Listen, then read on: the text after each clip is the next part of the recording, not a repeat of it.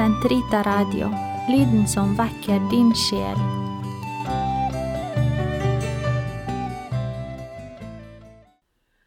Den katolske kirkes katekisme, uke 17, lørdag, paragraf 1971 til 1974.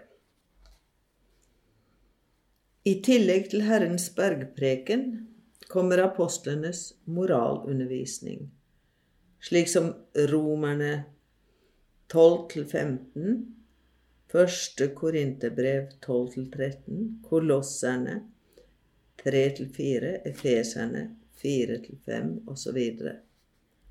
Denne undervisningen overleverer Herrens lære med apostlenes myndighet, særlig når de fremstiller de dyder som springer ut av troen på Kristus, og som kjærligheten besjeler, den som er Den hellige ånds fremste gave. Vis en oppriktig kjærlighet. Vær hverandre inderlig hengivne som sanne brødre. Vær glade i håpet, utholdende i trengsel, stadig vedholdende i bønnen. Vær hjelpsomme mot de trosfeller som trenger det, og legg vind på, gjest, på å vise gjestfrihet. Romerne 12, 9-13. Slik undervisning lærer oss også hvordan vi skal forholde oss til samvittighetsspørsmål i lys av vårt forhold til Kristus og Kirken. Den nye lov kalles også kjærlighetens lov, fordi den gir oss å handle ved den kjærligheten Hellige Ånd inngir snarere enn av frykt. Den kalles nådens lov fordi den gir nådens kraft til å handle gjennom troen og sakramentene. Den kalles frihetens lov fordi den fritar oss fra den gamle lovs rituelle og juridiske overholdelser, gjør oss rede til spontant å handle av kjærlighet, og fører oss fra en tjenestand som ikke vet hva Hans Herre har fore, til å være en kristig venn, for alt det jeg har hørt av min far, har jeg gitt dere del i. Johannes 15, 15.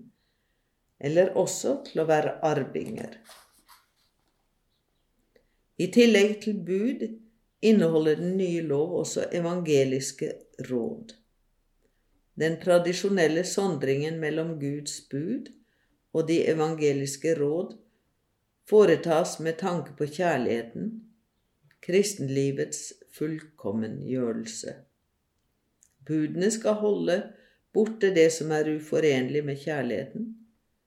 Rådene har til hensikt å holde borte det som kan legge hindringer i, veien for at kjærligheten skal kunne utvikle seg, selv om det ikke strider mot den. De evangeliske råd gir til kjenne den levende fylde av en kjærlighet som aldri slår seg til ro med å ikke gi enda mer.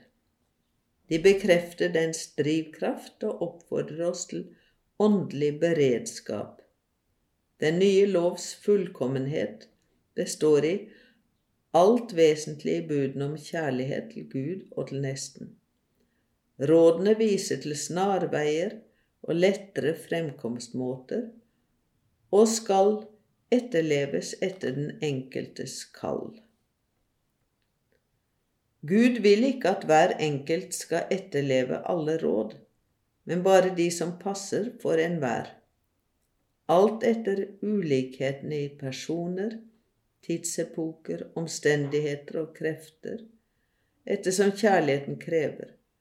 For det er jo den alle dyders, alle buds, ja, alle kristne lovers og handlingers dronning, som ordner dem alle etter rang, orden, tid og verd.